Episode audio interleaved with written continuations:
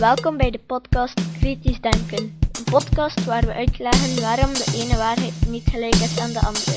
En hoe je kan uitwissen waarom de ene waarheid juister is dan de andere. Waar we uitleggen waarom het belangrijk is om alles kritisch te bekijken, ook deze podcast.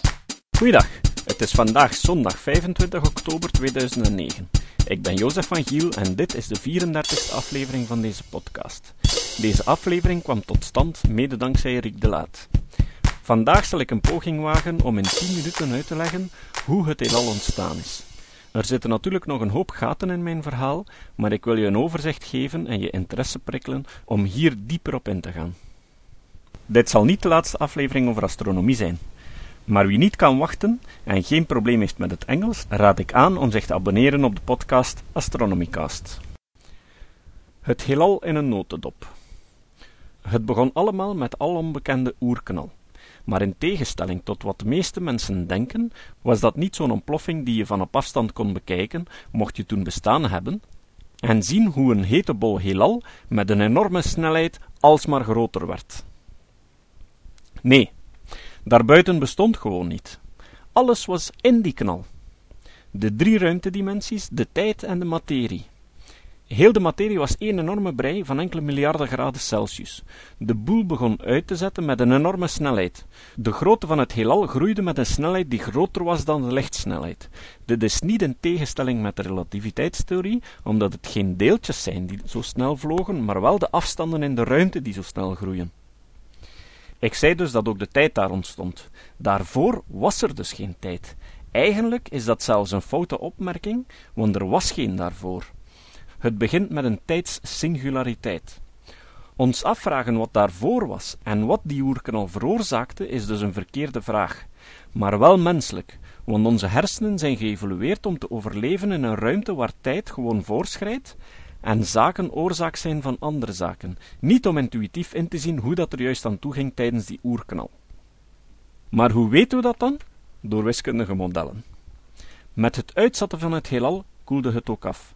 Daardoor kon die enorme hete brei zich gaan opsplitsen in elementaire deeltjes. Soms botsten die elektronen op de protonen, zodat er neutronen ontstonden.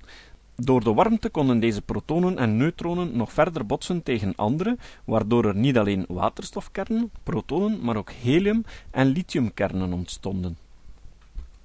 Het heelal zette nog verder uit en koelde daardoor nog verder af, waardoor de elektronen, aangetrokken door de elektrische lading, zich bij deze atoomkernen konden voegen. Het heelal bestond uit zeer veel waterstof en een beetje helium- en lithiumatomen. Het heelal zette zich verder gelijkmatig uit en koelde nog verder af.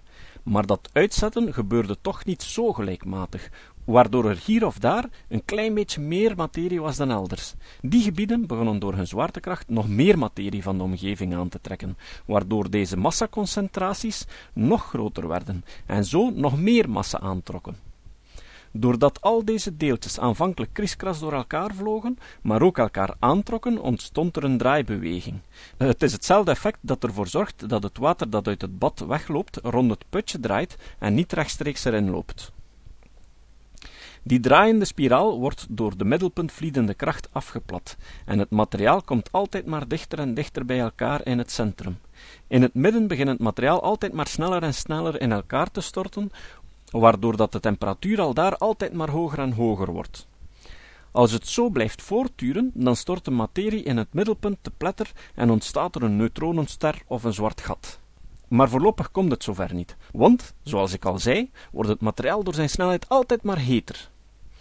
Als die waterstofatomen meer dan 15 miljoen graden Celsius krijgen, start de kernfusie, waarbij deuterium, dat is waterstof waarvan de kern bestaat uit een proton en een neutron, samensmelt tot helium.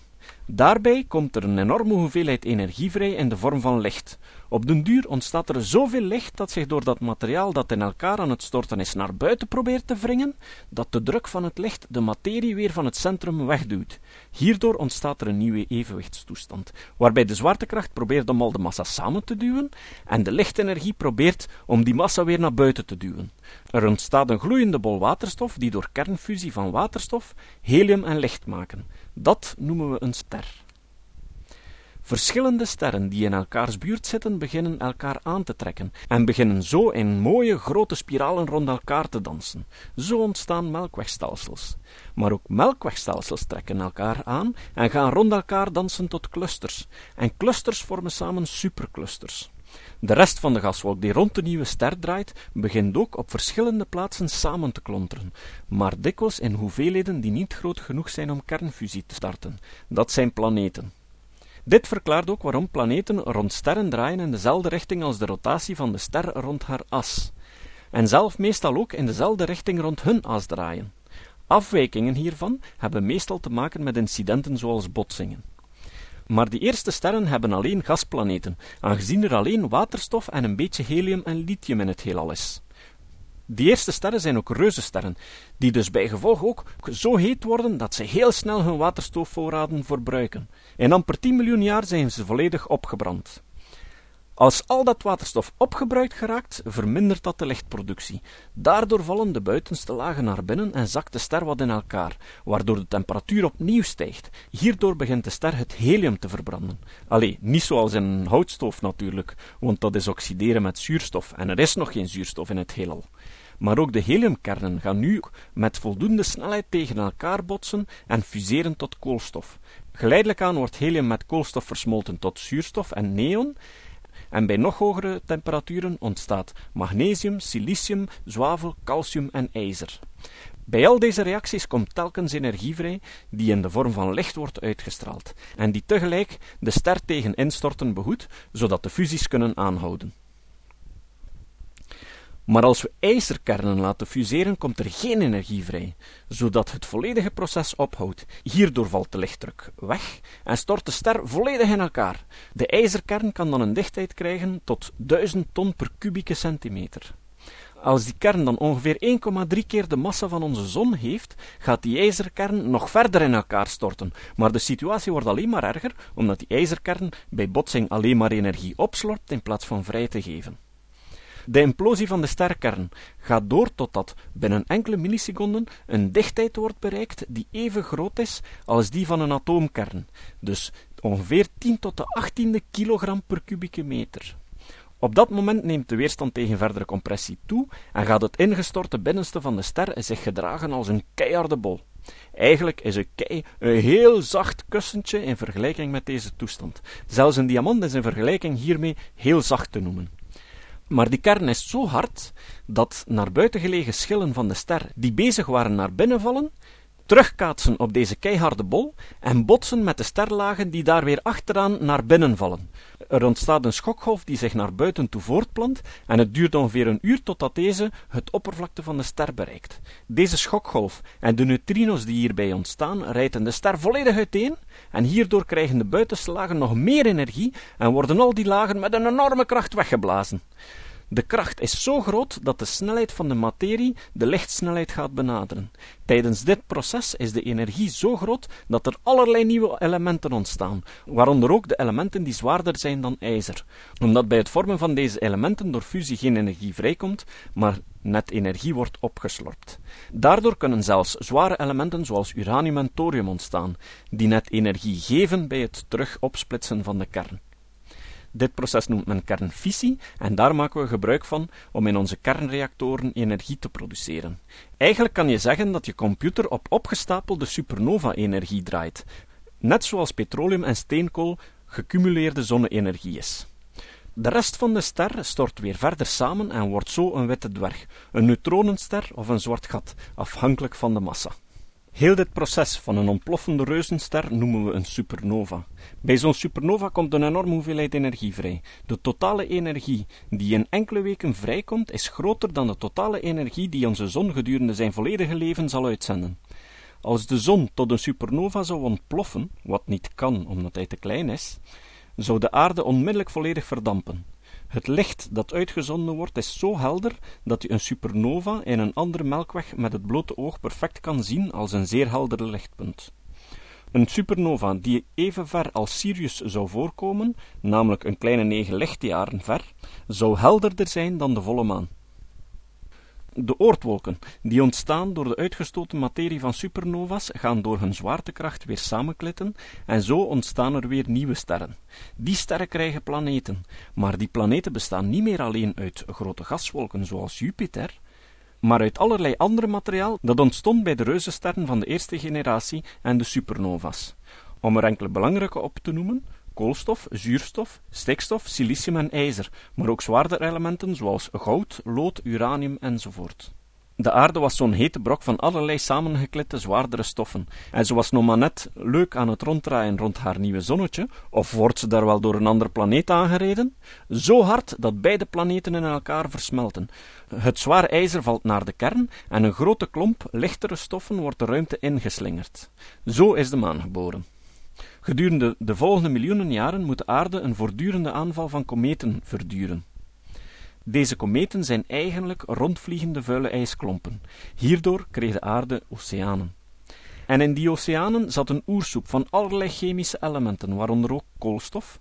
En die koolstof bouwt graag chemische verbindingen, in de meest bizarre combinaties met zichzelf, maar ook met waterstof en andere elementen. En in die oersoep, in de goede omstandigheden, met energie van bliksems of van geologische oorsprong, over een aantal duizenden jaren ontstaan er zo verbindingen die erin slagen om zichzelf te vermenigvuldigen. Maar toch niet helemaal foutloos. Dit is de aanzet van de evolutie van het leven. En daarvoor moet je luisteren naar een aantal andere afleveringen van deze podcast. En zo'n 4 miljard jaar later laat Walt Disney Tinkerbell en Peter Pan vliegen op sterrenstof. En wat later zingt Moby We Are All Made of Stars. De zon zal geleidelijk aan warmer worden. Bijgevolg zal het leven op de aarde geleidelijk aan verdwijnen en zullen de oceanen volledig verdampen. Op het moment dat de zon door zijn waterstofvoorraden heen zal zijn, zal het ook het helium verbranden. Dan gaat ze uitzetten zodat ze Mercurius en Venus opslokt. De aarde misschien ook, of misschien weten we er net nog aan te ontsnappen. Onze zon is echter niet groot genoeg om ook nog koolstof te verbranden, zodat de uiteindelijke koolstofkern in elkaar zal storten om zich in een kubisch vlakgecenterde kristalstructuur te ordenen en zo te sterven. Als onze zon sterft, wordt ze een prachtige, gigantische diamant. Hoe dingen werken. Ik heb me voorgenomen om voortaan regelmatig een nieuwe rubriek in deze podcast in te lassen, waarin ik interessante technische weetjes vertel. Aanvankelijk dacht ik eraan om een volledige podcast te organiseren over weetjes rond computers, maar het ging een lange lijst worden, waardoor het waarschijnlijk zijn doel zou missen. Bij elke aflevering zo één weetje is waarschijnlijk leuker. Bovendien heb ik al een aantal leuke weetjes die niet in de computerwereld thuis horen. Dit idee heb ik trouwens geïnspireerd op een fantastische website genaamd How Stuff Works, die vol staat met zulke weetjes. Bovendien hebben zij ook enkele Engelstalige podcasts die zij uitbrengen. De weetjes die ik hier vertel komen echter niet noodzakelijk uit Houstervorks. Hier komt de eerste. De meeste mensen kennen wel computervirussen. Dat zijn kleine programma's die zichzelf vermenigvuldigen door te parasiteren op nuttige toepassingen. Telkens de gebruiker het gastprogramma activeert, loopt ook de code van de virus. De code van dat virus kan van alles doen. Maar er is één deel dat het programma altijd doet. Dat is zichzelf kopiëren naar andere programma's of naar e-mails, zodat het zich vanaf daar weer verder kan vermenigvuldigen. Waarom bestaan zo'n programma's? Omdat er mensen zijn die erop kikken om ze te schrijven. De gelijkenis met een biologisch virus is zeer treffend. Beiden kunnen niet op zichzelf leven, maar moeten parasiteren op een ander leven of toepassing. Beide gebruiken de cellen of de runtime van hun gastheer om zichzelf te vermenigvuldigen en zo verder ander leven of toepassingen te infecteren, zodat ze weer kunnen verder leven. Beide proberen het afweersysteem te verschalken. In het geval van computervirussen zijn dat de antivirusprogramma's. Sommige computervirussen dragen verschillende versies van hun code mee, die ze bij elke volgende generatie verwisselen. Aangezien antivirusprogramma's zoeken naar bepaalde patronen, maken zulke transformaties het hen moeilijker. Het is duidelijk dat een virus zich op die manier razendsnel via het internet over de ganse wereld kan verspreiden. De meeste virussen doen ook niet veel meer dan zichzelf kopiëren. Sommige agressieven gaan echter een of andere vandalistische actie ondernemen, zoals de harde schijf van het slachtoffer wisten of een bepaald programma onklaarmaken, omdat de schrijver ervan misschien wil protesteren tegen het bedrijf dat dat programma verkoopt. Sommige virussen willen grappig zijn door een stukje code te hebben die bijvoorbeeld een video-effect op het scherm activeert en zo de indruk geeft dat je beeldscherm in stukken vliegt of begint te smelten of wat er ook opkomt in de fantasie van de programmeur. Je zou nu denken dat een virus dat alleen zichzelf kopieert onschadelijk is, maar dat is niet zo, omdat er op den duur zoveel kopieën zijn dat het begint te vreten aan de performantie van de computer of van het internet. De kunst voor de schrijver van een virus bestaat er dan ook in om het eerste programma te infecteren. Dikwijls maken ze dan gebruik van illegale kopieën van commerciële programma's die ze dan via torrent verspreiden. Open source programma's zullen minder gemakkelijk geïnfecteerd geraken. Daar spreek ik later wel eens over. Het citaat. Het citaat van vandaag komt van Carl Sagan. Ik heb hem al in vorige afleveringen voorgesteld. Carl Sagan is een held voor veel sceptici. Bovendien is hij een van die grote astronomen die ons beeld van het heelal sterk hebben veranderd. Carl Sagan zei: Wetenschap is niet alleen compatibel met spiritualiteit, het is een diepzinnige bron van spiritualiteit. Tot de volgende keer. Dit was de podcast Kritisch Denken. Vergeet niet om alles kritisch te behandelen, ook deze podcast. Voor verdere informatie over deze podcast, links en voor de tekst, surf naar www.kritischdenken.info. Als je deze podcast belangrijk vindt, dan kan je me steunen door andere mensen warm te maken ook eens te luisteren. Stuur een e-mail naar je vrienden met een link naar mijn website of plaats de link in de handtekening van je e-mails. Je kan me ook steunen door op iTunes deze podcast een goede beoordeling te geven of een recensie te schrijven. Of je kan op je eigen website of blog een link naar mijn website plaatsen. Hoe meer links, hoe sneller je gevonden wordt op Google. Dat kan beloond worden door een link naar jouw website bij mij.